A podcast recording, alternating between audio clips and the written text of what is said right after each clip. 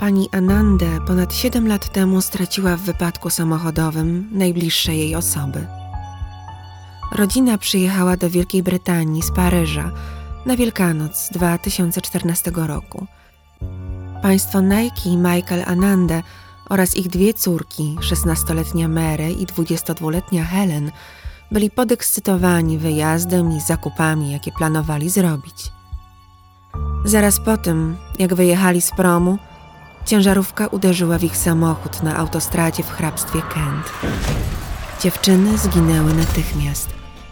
Mary zdążyła przed śmiercią wyszeptać do matki: Mamo, że tem. Mamusiu, kocham cię.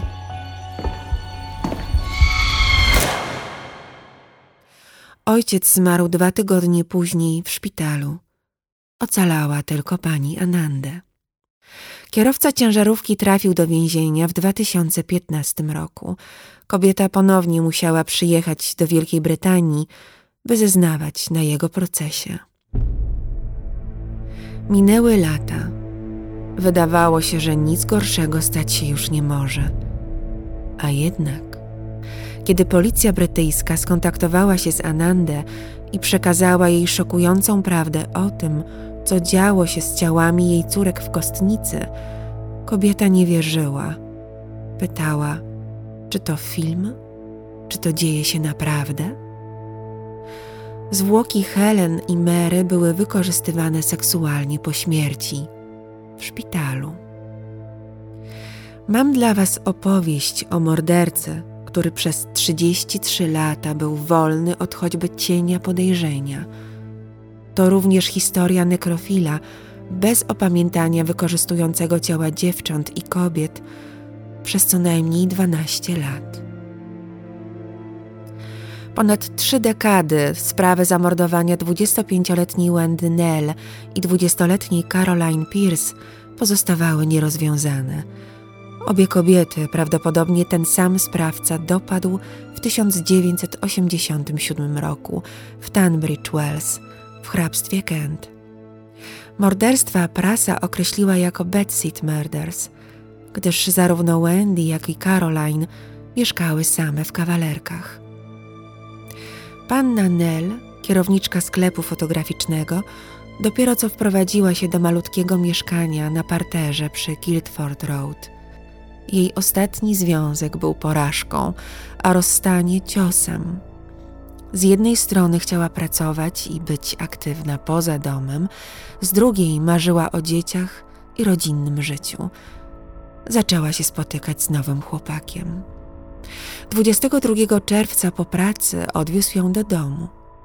Następnego dnia nie zjawiła się w sklepie. Było to do niej niepodobne. Poinformowany o jej nieobecności partner udał się na Guildford Road znalazł ciało Wendy w zakrwawionym łóżku. Sąsiedzi nic nie słyszeli, choć w budynku były cienkie ściany. Wendy została napadnięta, maltretowana, seksualnie wykorzystana i uduszona. Po napastniku nie został niemal żaden ślad. Detektywi zdobyli niewiele. Zakrwawiony odcisk palca na torbie z zakupami i fragment odcisku buta na mangiecie białej bluzki w mieszkaniu Wendy. Na wszelki wypadek technicy kryminalistyki zabezpieczyli ślady śliny z łóżka, ręcznika i części intymnych ofiary. Śledztwo ugrzęzło. Nie było świadków, podejrzanych ani motywów zbrodni. Pięć miesięcy później kelnerka Caroline Pierce została zaatakowana i zabita poza swoim domem w Grosvenor Park 24 listopada. Jej ciało znaleziono trzy tygodnie później, 65 kilometrów dalej, w zarośniętym rowie melioracyjnym na polach uprawnych w Romney Marsh. Zwłoki ubrane były tylko w rajstopy. Dostrzegł je kierowca traktora. Słyszano krzyki kobiety, być może Caroline, dochodzące sprzed drzwi jej domu wieczorem 24 listopada, ale potem zaległa cisza. Ponownie żadnych świadków podejrzanych motywów. Z uwagi na podobne obrażenia ofiar, obydwa morderstwa powiązano ze sobą. W 1995 roku powstała w Wielkiej Brytanii baza danych zawierająca DNA przestępców. Do dziś objęła swoim zasięgiem 650 tysięcy przestępstw. Niestety DNA pobrane z ciał Wendy i Caroline nie pasowało do żadnego z obecnych w bazie. Morderca nie był karany najprawdopodobniej. Do 2019 roku eksperci medycyny sądowej opracowali nowe techniki pobierania DNA z próbki uszkodzonej spermy, takiej jak ta pozostawiona na rajstopach Caroline. Zastosowano także inną metodę, dzięki której można było znaleźć sprawcę poprzez DNA jego krewnego. Pozwoliło to śledczym sprowadzić 5,5 miliona profili w krajowej bazie danych DNA do zawężonej liczby rekordów umożliwiającej identyfikację. Funkcjonariusze opracowali listę 90 osób zamieszkujących rejon morderstw i będących w odpowiednim przedziale wiekowym, których DNA częściowo zgadzało się z pobranym z miejsca zbrodni. Operacja poszukiwania mordercy kosztowała 2,5 miliona funtów i zakończyła się sukcesem. Najbliższe częściowe dopasowanie DNA pochodziło od rodzeństwa Davida Fullera, elektryka z Heathfield w West Sussex. Policja przeanalizowała dane innych członków tej rodziny i wytypowała głównego podejrzanego. 3 grudnia 2020 roku 67-letni David Fuller został aresztowany we własnym domu pod zarzutem zamordowania Wendy Nell i Caroline Pierce. Nie stawiał oporu i nie przyznawał się do winy. Nigdy wcześniej nie powiązano go w żaden sposób z tymi zbrodniami, mimo iż bywał w restauracji Buster Browns, gdzie pracowała Caroline. W tamtej okolicy często jeździł na rowerze, obserwował ptaki i spędzał czas wolny z członkami klubu kolarskiego. Fuller mieszkał z trzecią żoną i nastoletnim synem. Wnętrze mieszkania było niespotykanie zagracone. Mężczyzna trzymał stosy starych komputerów, twardych dysków, 30 telefonów komórkowych i wiele kart SIM. Zgromadził 34 tysiące wydrukowanych fotografii. Obsesyjnie rejestrował całe swoje życie. Trzymał przeróżne faktury, pamiętniki opisujące błahe wydarzenia i dokumentujące je zdjęcia – Wystawione przez niego faktury dowodziły, że pracował w okolicy Tunbridge Wells. W pamiętnikach sam pisał o wizytach w restauracji Buster Browns. Członkowie klubu kolarskiego, do którego należał, wspominali trasy przejazdu. Na pewno odwiedzili okolice Romney Marsh, gdzie odkryto zwłoki Caroline. Choć Fuller upierał się, że nigdy nie był w Tunbridge Wells, Okazało się, iż mieszkał przy tej samej ulicy co Wendy w latach 70. i 80., zanim się tam wprowadziła. Jego odciski palców pasowały do zakrwawionego śladu na torbie z zakupami, a DNA dopasowane było w stu procentach. Policja złapała sprawcę. David Fuller zabił dwie kobiety i zgwałcił ponad setkę zwłok. Posłuchajcie. Podczas rewizji za jedną z szafek znaleziono przymocowany do niej uchwyt mieszczący cztery twarde dyski.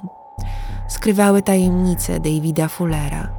Odkryto na nich ponad 14 milionów zdjęć pokazujących dziecięcą pornografię oraz nagrania wykonane w kostnicach w dwóch szpitalach Tunbridge Wells w Kent. David Fuller przez co najmniej 12 lat, od 2008 do 2020 roku, rejestrował w szczegółach swoje seksualne wyczyny i gwałty dokonane na zwłokach. W notatnikach szczegółowo opisywał wiek molestowanych osób. Ciało najmłodszej ofiary należało do dziewięcioletniej dziewczynki, ciało najstarszej do stuletniej kobiety. Do dziś zidentyfikowano 102 ciała. To na pewno nie koniec listy. Nagrania Fullera wykorzystano do identyfikacji wykorzystanych zwłok. Porównywano też daty filmów z datami śmierci pacjentów. 150 policjantów rozjechało się do rodzin w Kent, Sussex i Essex. Musieli bliskim każdej z ofiar nekrofila powiedzieć drastyczną prawdę. Fuller przyznał się do zamordowania Wendy Nell i Caroline Pierce 4 listopada 2021 roku, w czwartym dniu procesu prowadzonego z uwagi na stan epidemiczny zdalnie. Więzień przebywał w swojej celi, salę sądową widział na ekranie. Przyznał się także do wykorzystywania seksualnego kobiecych i dziecięcych zwłok przez 12 lat. 15 grudnia 2021 roku David Fuller usłyszał wyrok dożywocia za zamordowanie dwóch kobiet, które udusił i wykorzystał seksualnie. Być może dokonał zbrodni właśnie w tej kolejności. Do dziś nie zdradził, w jakich okolicznościach odebrał życie obu dziewczynom. Fuller, ubrany w szary sweter, z czarną maseczką na twarzy, na procesie, patrzył w dół.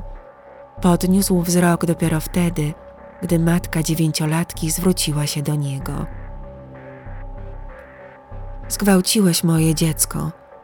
Nie mogła odmówić wstrętnemu 66-letniemu mężczyźnie, który znęcał się nad jej ciałem. Jak mam jej to wynagrodzić? Jak zatroszczyć się o ciało, które zostało znieważone przez tego podłego człowieka?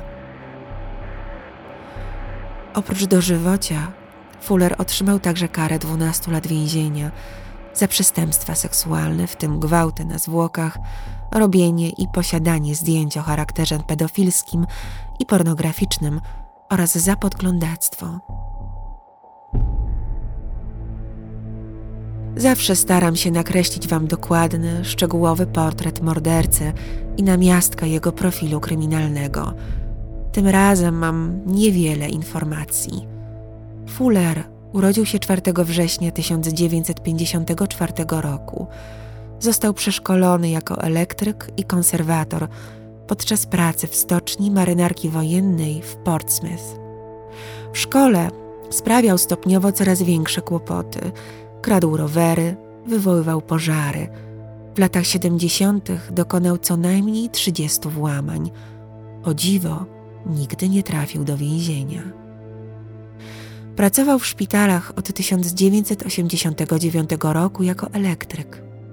Wybierał nocne zmiany. Wieczorami czekał, aż pracownicy kostnicy skończą swoją pracę i wkradał się do środka.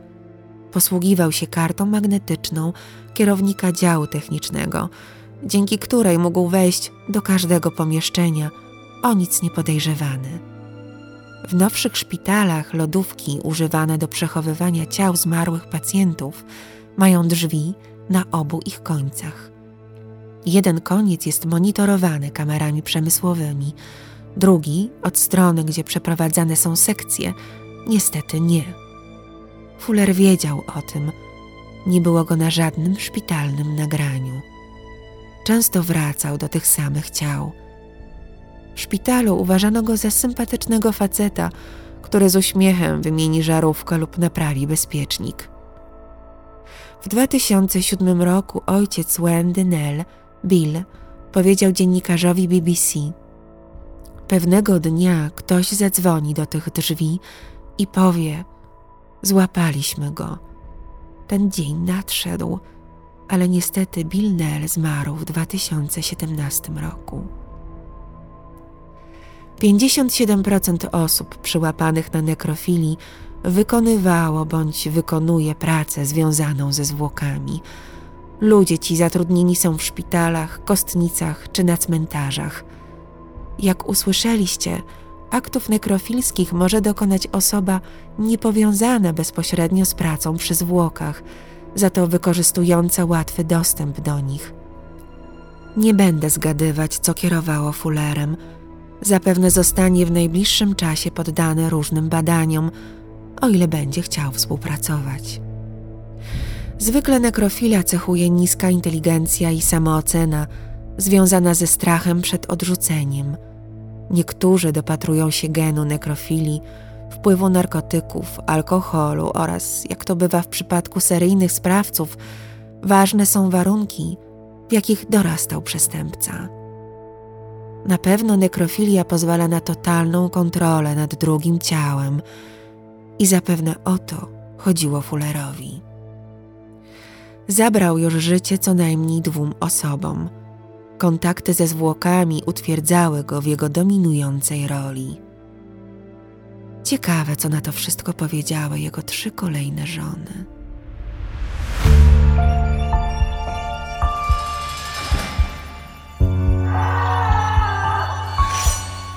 Dziękuję za Waszą uwagę.